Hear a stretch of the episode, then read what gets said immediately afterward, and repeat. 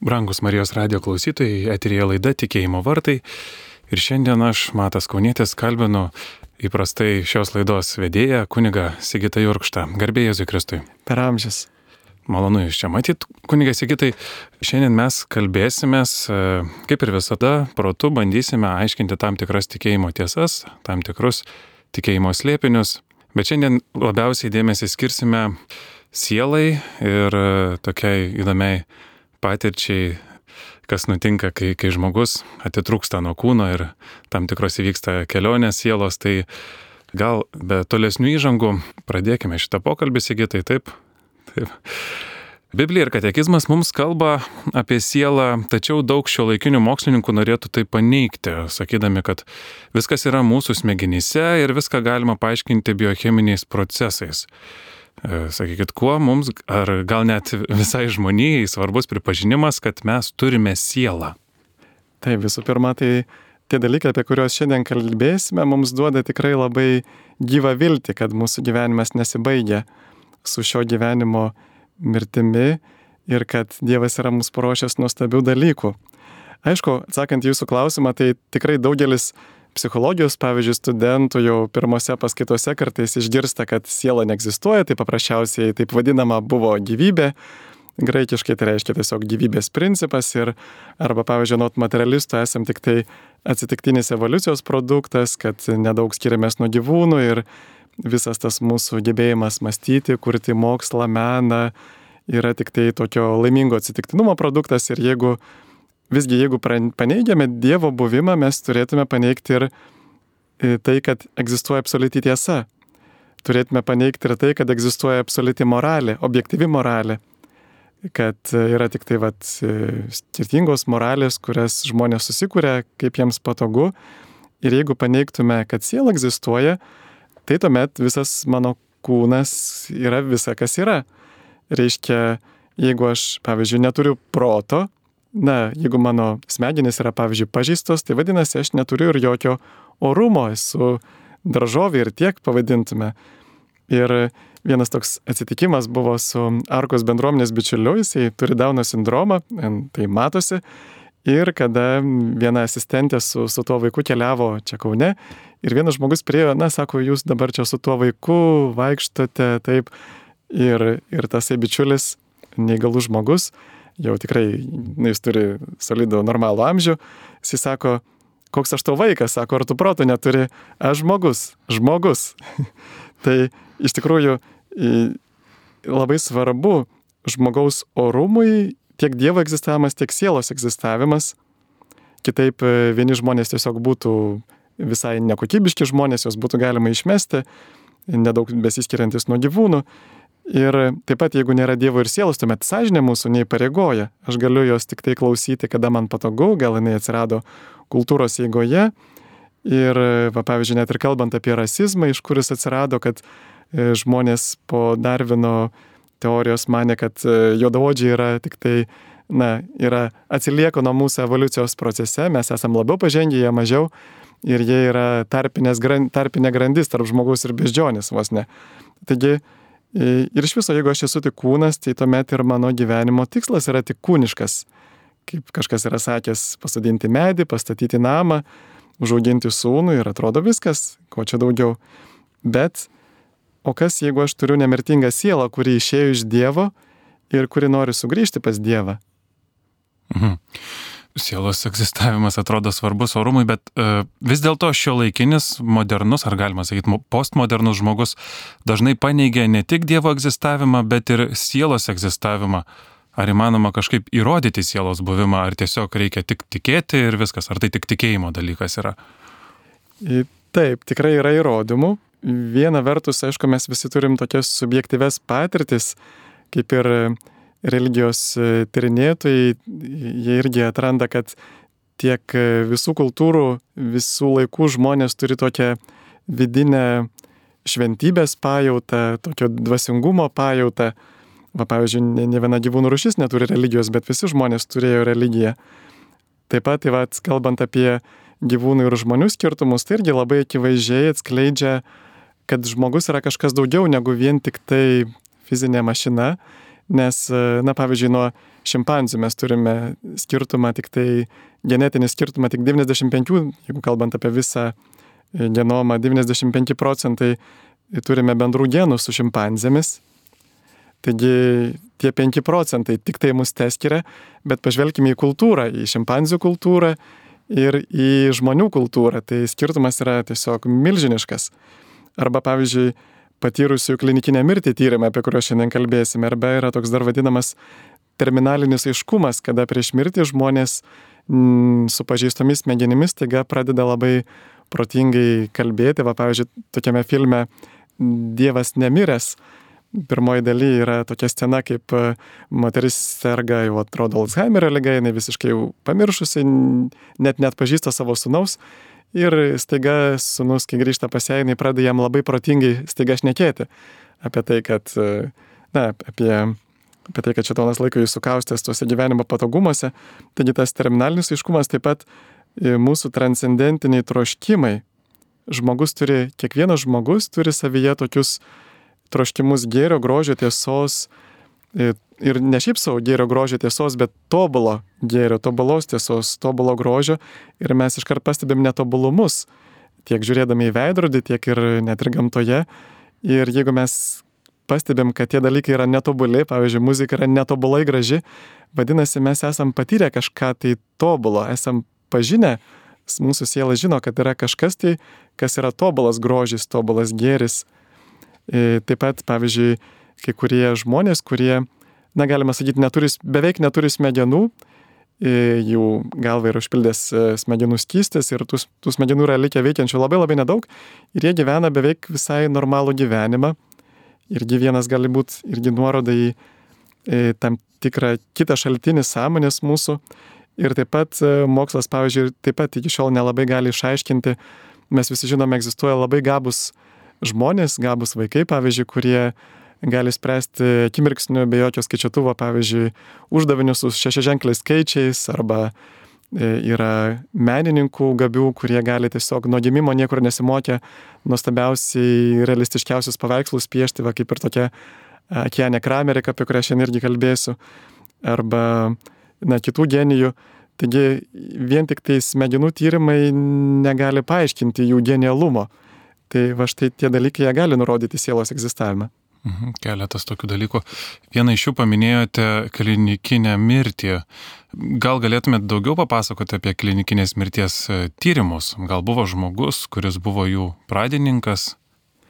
Lietuviai turbūt žino tokį Raymond Moody ir jo knygelę, knygą tiksliau, jinai yra 200 puslapio knyga Gyvenimas po gyvenimo, išleista 1975 metais, o mes lietuviškai turėjome tokią brošiūrėlę, dešimt kartų trumpesnę, tokią santrauką, e, Life After Life, angliškai pavadinimas, tai ji buvo išleista visam pasaulyje 13 milijonų egzempliorių netgi.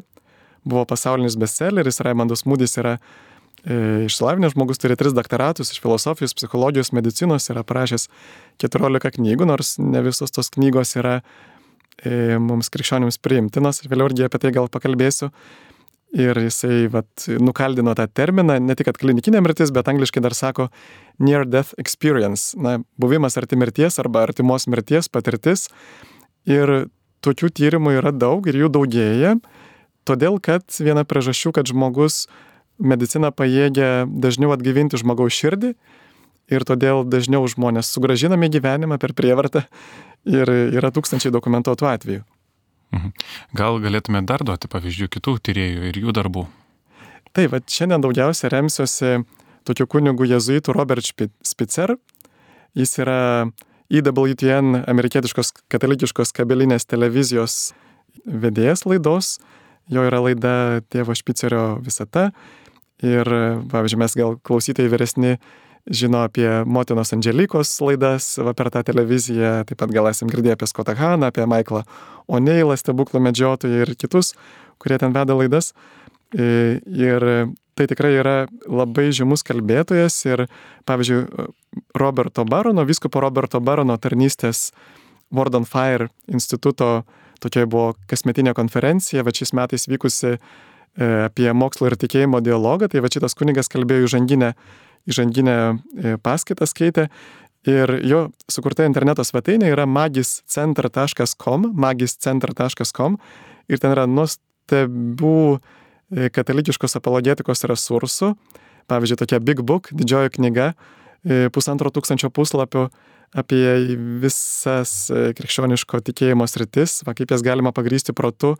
Ir dar daugiau, dar svarbiau, jis yra parengęs medžiagą būtent tikybos pamokoms, apskritai pamokoms mokiniams, nes dažniausiai mokiniai moksleiviai nusigrėžia nuo tikėjimo, kai neranda pakankamų argumentų. Ir labai labai nuostabi medžiaga anglų kalba yra parengta apie sielos egzistavimą, Dievo buvimą, stebuklus, Jėzaus dieviškumą, evoliuciją, kitus tokiems mokiniams e, rūpimus klausimus, gal kada nors pavyktų ir lietuvių kalbą jos išversti. Ir e, štai šalia Raymond Moody e, pateikia dar keturias svarbias studijas. 2014 Sam Parnyje, 2001 Pim van Lommel studija, toliau 2006 Keneto Ringo studija, klūžmonių studija ir Janice Holden tokia e, meta-analizė 2007 e, metų. Va trumpai apie tas studijas, tai Parnyje atliko studiją keturių metų trukmės, 2060 pacientų, kurie, kuriems sustojo širdis, Amerikos, Anglijos ir Austrijos ligoninėse buvo ištirti 9 procentai iš jų, 185 pacientai, turėjo tą artimos mirties patirtį, nors dar apie 30 procentų irgi kažką jautė tokio, bet netitiko tų griežtų kriterijų. Ir taip pat iš viso toje, taip pat Pinfan Lomel atliko studiją 344 e, pacientų Olandijoje ir iš jų 62 pacientai, tai yra 18 procentų, kas penktas, e, kurie buvo atgaivinti po širdies e, sustojimo, po infarkto jie patyrė tą artimos mirties patirtį. Ir e, štai šitas autorius, jisai atskleidžia tokias charakteristikas, kurios būdingos tiem žmonėm, kurie patiria tą vat, klinikinės mirties, artimos mirties patirtį. 50 procentų jų jie suprato, kad jie yra mirę, daugiau negu pusė jie jautė pozityves emocijas, palaimą, e, ketvirtadalis jautė save iš, iš e, e, už kūno ribų, taip pat trečdalis jie jautė, kaip juda per tunelį, žinom visą tą šviesą tunelio gale, mes juokaujam, kad mes kunigai irgi turim čia mūsų e, tas e, apykaklė ta balta yra kaip šviesa tunelio gale. gale. Taip pat e, ketvirtadalis iš jų turėjo bendravimą su, su šviesa, e, ketvirtadalis patyrė irgi matė spalvas, e, beveik trečdalis matė dangišką kraštovaizdį, e, beveik trečdalis susitiko su mirusiais asmenimis. Ir šeštadalis, septintadalis jie patyrė tokią gyvenimo peržvalgą. Paskui kita studija, kaip minėjau, Keno Toringo, tyrė 31 aklą žmogų, kurie 14 iš jų buvo aklino gimimo Ir iš tų 31 80 procentų galėjo matyti per artimos mirties patirtį. Labai įdomu, kad jie visą gyvenimą nematė arba buvo apakę ir 80 procentų jie teigia, kad jie matė, būtent nebūdami savo kūne. Reiškia, kad mūsų siela turi akis, turi ausis, jinai gali girdėti, matyti, mąstyti. E, taip pat Raymond Moody, kaip minėjau, irgi jisai tyrė iš pradžių šimtą atvejų, toj pirmoje knygoje, paskui jau po dešimties metų tūkstantis atvejų buvo jo tyrimė. Ir jis irgi rado labai panašias devynias charakteristikas. Ir, ir įdomu, kad tai yra tyriami žmonės skirtingų kultūrų, skirtingų religijų, kad e, jie jautėsi mirę, jie jaut, nejautė jokio skausmo ir jautė tokią vidinę gilę ramybę, patyrė tą tunelį. Šviesos žmonės galiausiai susitiko su ta didžiaja šviesa, kuri yra kaip asmuo, su šviesos būtybė, šviečiančia būtybė, E, peržvelgė savo gyvenimą, kurį padėjo jiems peržvelgti savo gyvenimą, jie patyrė tokį staigų kilimą į dangų, e, nenorą, visi patyrė, na, daugelis patyrė, patyrė nenorą sugrįžti. E, va, ir taip pat kitas tyrinėtojas, kur tyrė tuos aklus žmonės, irgi labai panašias charakteristikas rado, kad 60 procentų jautė tą ramybę, 40 procentų atsiskyrimą nuo kūno, ketvirtadalis tą tunelį, šviesos būtybės, taip pat rojaus taip pat dešimtadalis e, patirtį turėjo. Ir galiausiai ketvirtoji studija Janice Holden, ji ištyrė 37 autorių, 39 studijas, iš viso 107 atvejo studijas ir jinai tyrė būtent labai griežtais kriterijais, bandydama patikrinti, kiek patikimi yra tie E, tų žmonių liudijimai. Ir atrado, kad tik 8 procentų buvo parodymai netikslus, bet jeigu dar grįžčiau įmant va tuos atvejus, kuriuos, 48 atvejus, kuriuos galėjo dar patikrinti ne tik jų pačių liudijimas, bet ir dar kiti, kitas liudijimas nepriklausomas šaltinis, 80 procentų, 83 procentai buvo tikslus, taikant pačius griežčiausius kriterijus. Taigi yra didesnis tikslumas negu, pavyzdžiui, prisiekusiųjų teisme atrodo, tokias labai ryškės, realias patirtis žmonės išgyveno, kurias ištyrė, bet gal galit pateikti konkrečių pavyzdžių, ką tie žmonės matė, patyrė, kas tai buvo. Taip, čia turbūt visiems įdomiausia dalis. Tai, na, pavyzdžiui, viena moteris, jos atsiprašė gydytojai, nu, čia visi, visi žmonės po klinikinės mirties. E, atsiprašė, kad sako, mes pametėm jūsų protezų, jinai sako, ne, ne, sako, aš mačiau, kad seselė įdėjo tokį stalčiuką, paskui išnešė ten į tokį aukštą ir ten kitam aukšte yra, bet nueikite ant tame stalčiuje rasite tą protezą. Nors tai viskas įvyko, kada jinai buvo mirusi. E, pavyzdžiui, kitas žmogus liudija, kad jisai matė, kaip gretimoji operacinė vyksta operacija ir vienai e, na, iš personalo nukrenta sagė, kitas žmogus užlipa ant tos sagės, ją sutraiško ir va, jinai galėjo pasakyti, kas kam nukrito ir, ir kas taip įvyko. Arba kitas žmogus, pavyzdžiui, matė skaičius iš viršaus, matė save iš viršaus ir skaičius užrašytus ant medicinės įrangos. Ir kada jis atsibudo, jisai pasakė seselį tos skaičius, o jinai veždama įrangą pamatė, kad jie visiškai sutampa. Arba vėl kitas žmogus matė iš išorės ant pastato kažkur ten toli padėtą sportbatį, kur niekaip iš vidaus jo negalėjai matyti, o aišku, turbūt jie atvežami yra na, sunkios būklės, kada negali matyti iš išorės ligoninės. Taip pat, pavyzdžiui, kitas žmogus girdėjo, kaip giminaitis nemandagiai kalbėjo telefonu su savo verslo kolega. Ir ta moteris atsibudusi paskui tą savo giminaitį subarė, sako, kodėl tu taip nemandagiai kalbi. Arba, pavyzdžiui, kita matė, kad jos irgi dukra e, buvo netinkamai apsirengusi, kada buvo atėjusi ir, ir galėjo pasakyti, va, kaip jinai tuo metu buvo apsirengusi, nors nebuvo susitikę. Ir labai įdomus yra toks filmas e, Heaven is for Real, angliškai Dangus iš tikrųjų yra, Ir jis yra ir lietuvių kalba, pavyzdžiui, GAU3 televizijoje galima jį pažiūrėti. Jis yra apie tikrus fa faktus. Toks buvo Colton Burpo, e, tuo metu berniukas, keturių metų beveik nesulaukęs dar gimęs 1999 metais. Jam buvo trūkęs ambedicitas penkias dienas, tik po penkių dienų jį pastebėjo. Ir e, jisai patyrė va tą artimos mirties patirtį, pavyzdžiui, jisai matė, kaip tėvas šaukė ant Dievo, piktai, kaip jis, jisai liudijo, kad danguje sutiko prosenelį, kuris beje žuvo e, dar jam negimus, kai kitam pačiam Koltono tėčiui buvo tik tai šeši metai ir jisai dažnai praleisdavo vasaras pas savo senelį, taigi jisai papasakojo e, ir ką jie veikdavo ir pavyzdžiui atpažino jį, kai jam rodė įvairias nuotraukas jo tėtis ir jisai atpažino senelį, bet jisai atpažino būtent jį jaunesnį nesenesnį, kada jis buvo su akiniais, bet jaunesnį, nes jis sako, na, sako, tėti, ten danguje nieks akinių nenešioja, sako. E, paskui sugimusi, sutiko danguje tas Koltonas savo negimusią sesutę, kuri nu, mirė nuo mamai persileidus. Taip pat e, ir, ir įdomus dalykas, kad tėtis Koltonui rodė trejus metus įvairiausias nuotraukas, Jėzaus įvairiausius, tiksliau, paveikslus, paveikslų nuotraukas. Ir Koltonas vis sakydavo, tas berniukas, ne, ne, Jėzus nepanašus, vėl panašiai apsirengęs, bet Jėzus netoks. Ir galiausiai jie pamatė per televiziją e, apie tokią Akianę Kramerik, e, tokią mergaitę, kuri e, tame filme jinai vaizduojama pačioje pradžioje kaip Lietuvoje, veiksmas vykstant Lietuvoje tapanti, nors iš tikrųjų jinai gimė Amerikoje, Ilinojaus valstijoje 1924 metais, šiuo metu irgi yra jauna moteris, ir jinai turėjo tokias Jėzaus vizijas ir nutapė paveikslą Prince of Peace, e, taikos princas, taikos kunigaikštis. Ir kai tas berniukas Koltonas pamatė per žinias tos mergaitės tapytą paveikslą, sako, čia jis. Sako, štai, vat, aš būtent, būtent po trijų metų, va štai šitas e, paveikslas atitiko ir įdomu, kad e, ta mergaitė, man, jinai pradėjo tapyti labai anksti, jie, man atrodo, buvo gal 12 ar, ar nežinau kiek metų, na, jinai vaikystėje tą paveikslą nutapė ir labai greitai pasireiškia jos tokios tiesiog, na, genijaus gabumai, e, ypatingo sugebėjimo, ypatingo talento e, dailiai jinai turėjo, jinai pati mokėsi tiesiog, pati nieks jos nemokė ir nuostabiausiai tikslius paveikslus pradėjo tapyti ir jinai sakė, kad matė vat, Jėzaus dangaus vizijas ir pagal tai tapė.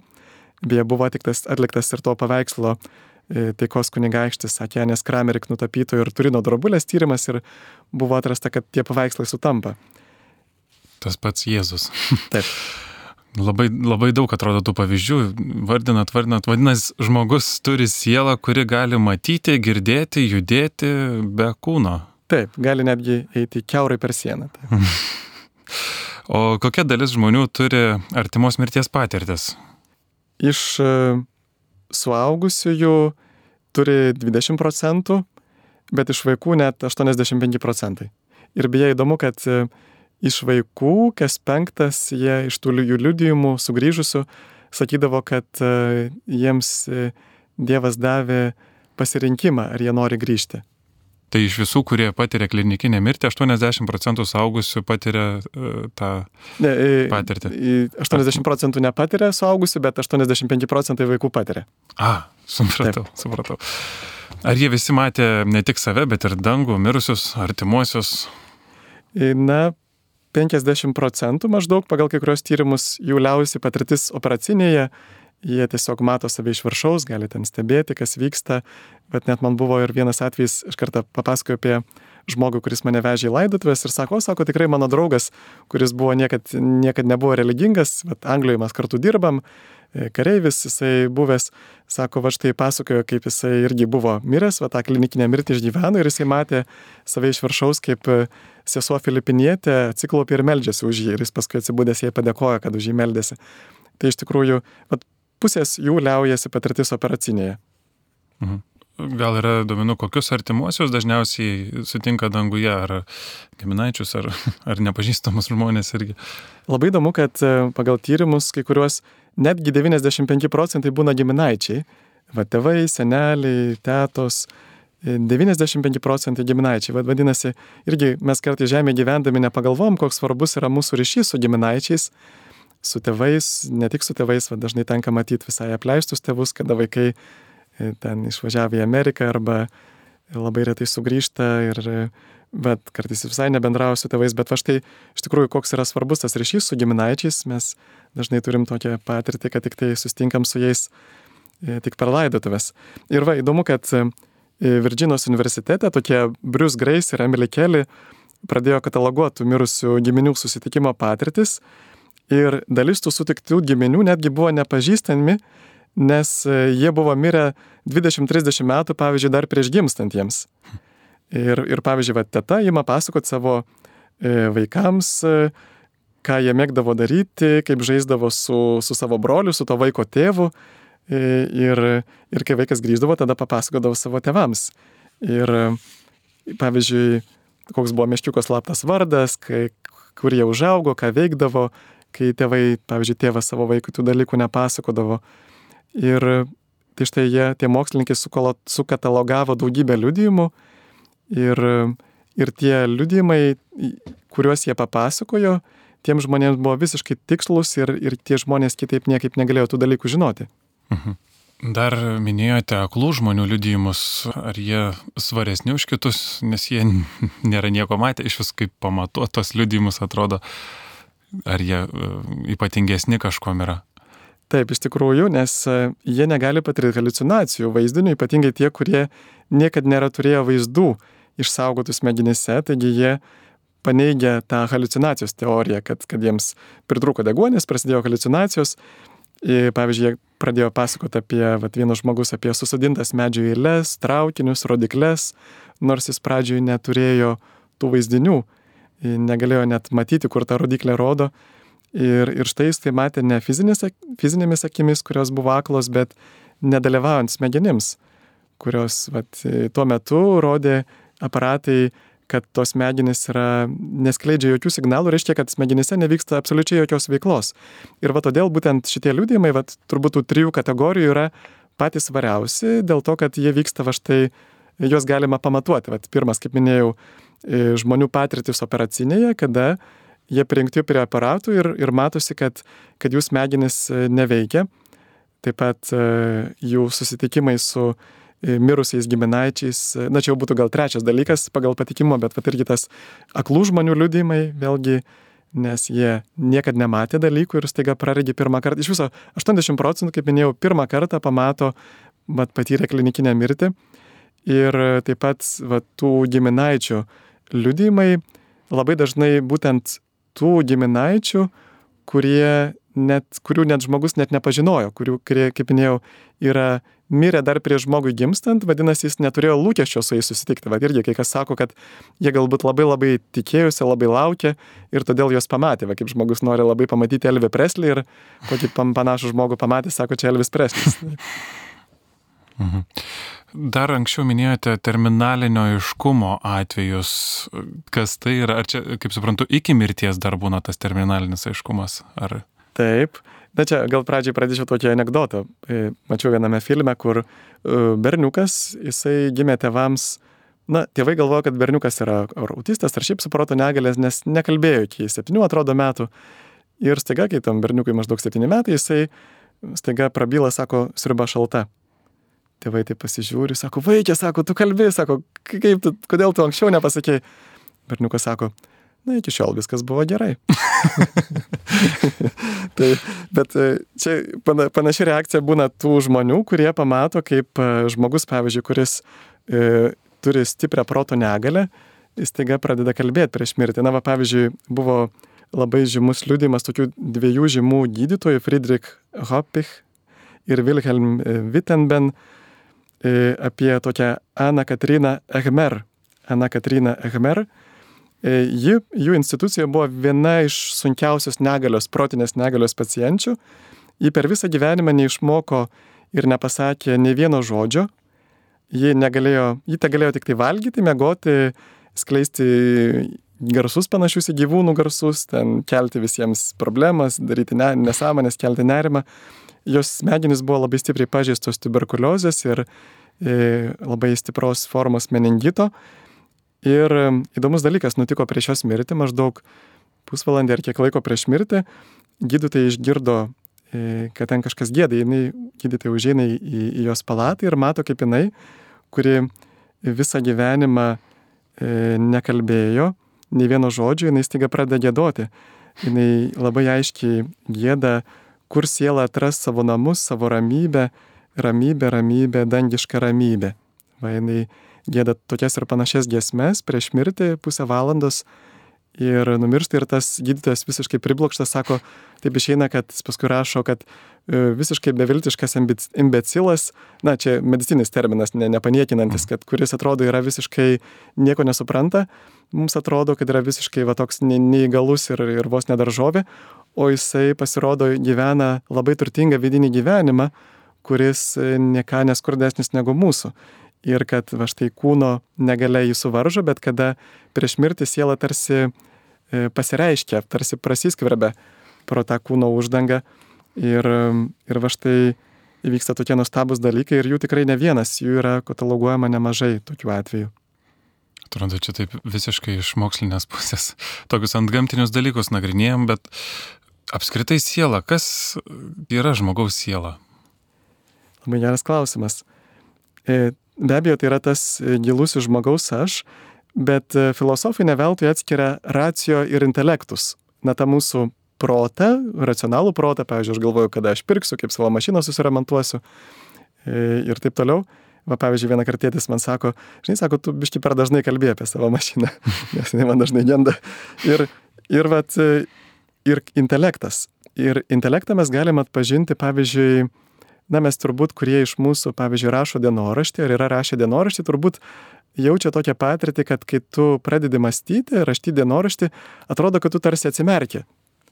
Ir kol tu nemastai, tik tiesiog atsukiesi kaip ta voverė rate, atrodo, kad tu gyveni tarsi nematydamas. Ir, ir va Jėzus neveltui sakydavo, kad jūs kartais užsikemšate savo ausis, užmerkite akis. Ir taip pat, žodžiu, kad mūsų sielai e, labai reikia va to tokio e, skirti laiko apmąstymui, e, kad mes ne tik tai atskubėtume, galvotume, kaip čia reikalus sutvarkyti, darbus padaryti, nusipirkti, bet mąstytume apie gyvenimo prasme, va kaip vaikai, pavyzdžiui, masto, taip, at, kodėl visa tai, kokia to viso prasme ir taip toliau. Ir mūsų siela yra išėjusi iš Dievo, kaip sako katekizmas, kad Dievas asmeniškai sukūrė mūsų sielą, nors kūnas galėjo išsivystyti gamtos eigoje, bet asmeniškai sukūrė mūsų sielą ir reiškia, kad mūsų siela yra patyrusi Dievą. Mūsų siela yra, turi kažkokį tai įgimtą suvokimo, kas yra tobulas, tobula meilė, tobulas gėris, tobulas grožis, tobula tiesa, tobula būtis, tobuli namai. Ir jį to ieško. Va, kaip sako katekizmas, kad žmoguje yra įdėtas laimės troškimas. Ir kaip sako Šventas Augustinas, kad žmogus e, sako, e, jisai, kad mano siela tol nenurims, kol neatsilsės tavyje Dieve. Tai žmogus ieško laimės ir jisai ieško, jo siela ieško Dievo. Ir mes galime atpažinti savo gyvenime tokias dviejų rušių troškimus.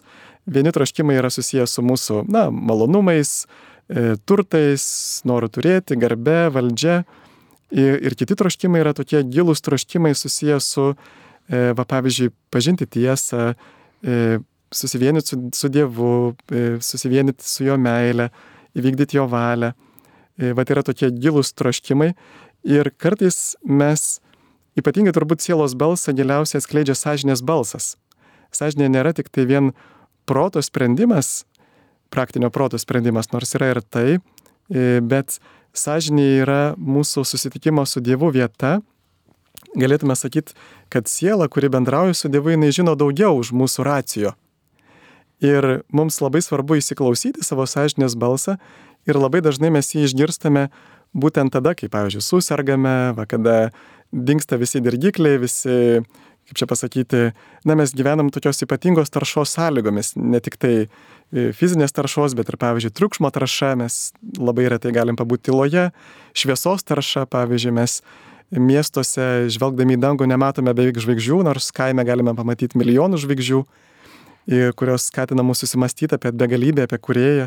Mane, pavyzdžiui, prie Dievo labai patraukė būtent astronomija, va, mhm. vaiky, tiksliau vaikystės žiūrėjimas į dangų kaime ko mieste nepamatysi.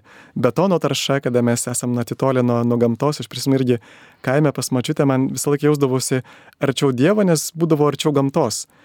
Ir taip pat skubėjimas įvairūs, kada mes norim kuo daugiau padaryti ir neturime laiko e, pamastyti, aš tai apie tos, e, na, tuo intelektu savo pasinaudot, galiausiai taip pat mūsų siela turi ir kitas galės, pavyzdžiui, va, tie giliausi troškimai yra ta mūsų sielos valia, yra ta mūsų na, fizinė valia, tai aš galiu turėti valią nueiti į parduotuvę, bet yra mano sielos valia, pavyzdžiui, kuri pasireiškia per tuos giliausius troškimus.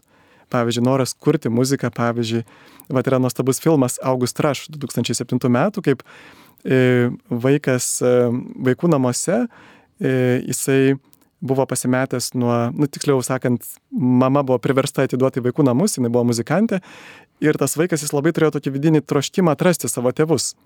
Ir jisai buvo toks genijus, muzikinis genijus, labai nuostabiai kūrė muziką ir grojo ir jisai sakydavo, kad aš girdžiu muziką, muzika mane veda ir galiausiai tą muziką jam padėjo atrasti, tarsi padėjo jūs suvesti su mama, su, tėč, su, su tėvais, taigi mama tarsi išgirdo tą muziką ir, ir jisai tarsi išgirdo tą muziką. Tai panašiai ir Dievas, su juo, va, muzika yra susijusi su Dievu.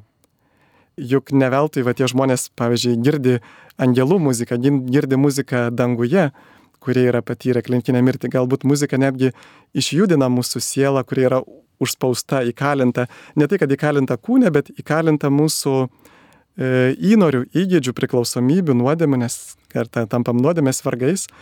Ir muzika kartais, e, pavyzdžiui, gėdojimas ir muzika išlaisvina mūsų sielos, bet tas galės tą atminti, mes prisimenam, pavyzdžiui, savo atsivertimo, savo e, susilietimo su Dievu, susitikimo tokio ypatingo su kitomis sielomis, bendrystės patirtį, va tą atminties galę sielos, tuos pajuntam giliausius troškimus, sąžinės balsą. Va jeigu mes norėtume įsiklausyti sąžinės balsą, mes galėtume labai ilgą sąrašą susidaryti dalykų, kur mūsų siela sako, kad mes turim pakeisti savo gyvenimą, bet jeigu mes neklausom, taip, taip išeina, kad kartais būna dešimt metų praeina ir, ir mes e, nieko nepakeičiam. Ir, ir vat, pagrindinė problema, kad mes nevykdom trečio Dievo įsakymą, kad šventadienį švesk. Jeigu mes tikrai švestume šventadienį, atsisakytume nuo darbų, mes tame polisėje mūsų siela galėtų į mus prabilti. Mūsų laida į pabaigą eina, bet gal dar pavyktų trumpai, e, gal galit papasakot, kaip e, minėti tyrimai, apie kuriuos kalbėjote, paveikė pačius tyriejus, ar jie tikintis buvo, netikintis, kaip jų gyvenimai pasikeitė. Dalis buvo netikintis, bet paskui beveik visi pradėjo tikėti Dievą. Bet ypatingas atskiras yra Raymond Moody atvejais, aišku, galima paminėti, gal čia ir jis sugadino šiek tiek tą pasaulinę šlovę, kai jo knyga 13 milijonų egzempliorių vienintelė išleidžiama, bet e, kartu jisai turėjo tokį požiūrį, kad mm, kaip ir, na, gal dabartinis būtent New Age toksai religinis judėjimas, kuris, mes apie jį kalbėjom kitose laidose, kad jisai nedaro skirtumą tarp gėrio ir blogio ir dažnai patenka į spastus. Jam trūksta tokio atskirimo, nes jis neturi kriterijus, pagal ką atskirti. Vat, pavyzdžiui, Biblijoje yra sudaryta iš e, tam tikrų knygų kanono ir kanonas yra tarsi tas matavimo vienetas, tas atskirimo kriterijus. Ir Mūdis galiausiai paskutinę knygą parašė, kaip jinai ten vadinasi, kad Dievas yra didesnis už Bibliją, bet galiausiai jisai liktai bando pasakyti, kad e, žmonės Na, galiausiai aš taip supratau, kad jisai yra patyręs tokią neigiamą patirtį e, fundamentalistų krikščionių, kurie labai raidiškai viską aiškina Bibliją ir kurie sako, nu, bet, pavyzdžiui, jeigu Biblijoje to neparašyta, vadinasi, to ir nėra. Jeigu parašyta Biblijoje, kad per šešias dienas sukūrė pasaulį, tai taip ir yra.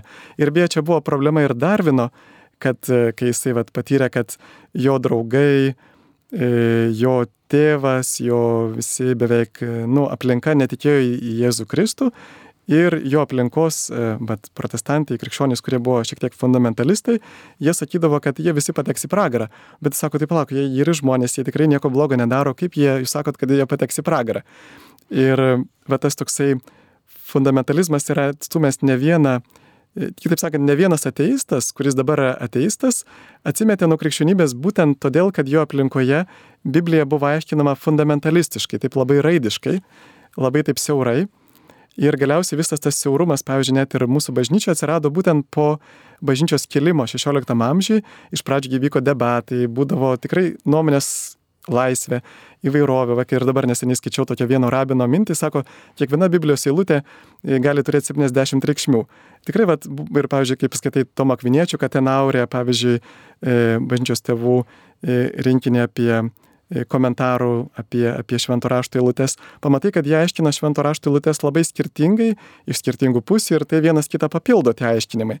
Ir kai mes užsidarome tokiame siaurume, tai kai kurios žmonės atstumia nuo Biblijos ir imant mūdį jisai vadina save tokiu skeptiku graikų prasme, kad, nu, sako, va, tu matai, tu turi loginės prielaidas, kurias turėtų vesti išvadą, bet aš nedarau išvadas. Ir tas išvados nepadarimas man leidžia turėti platesnį žvilgsnį. Na, viena vertus liktai ir protinga būtų, bet kita vertus tada tu negali eiti keliu. Tu turi laisvę, bet tu jos nepanaudoji, tu neini tuo keliu, kuris yra Jėzus. Ir Jisai sako, aš esu Kristaus sekėjas, bet aš nesu krikščionis, bet su juo dar problema ta, kad jisai pradėjo paskui net ir įkūręs, jeigu neklystų, e, nepatikrinau dar tų duomenų, bet tokia vos negraikiška, pamiršau kaip vadinasi, bet vos net dvasių iškvietinėjimo tokia vieta. Na, žodžiu, jisai nusekė tokiais biški keliais, kuriuos Biblija iš tikrųjų vadina sunkiom nuodėmėm, mhm. kaip e, dvasių iškvietinėjimai, spiritizmas, visokie reinkarnacija, jisai tiki, kad yra devintas įsikūnymas ir taip toliau.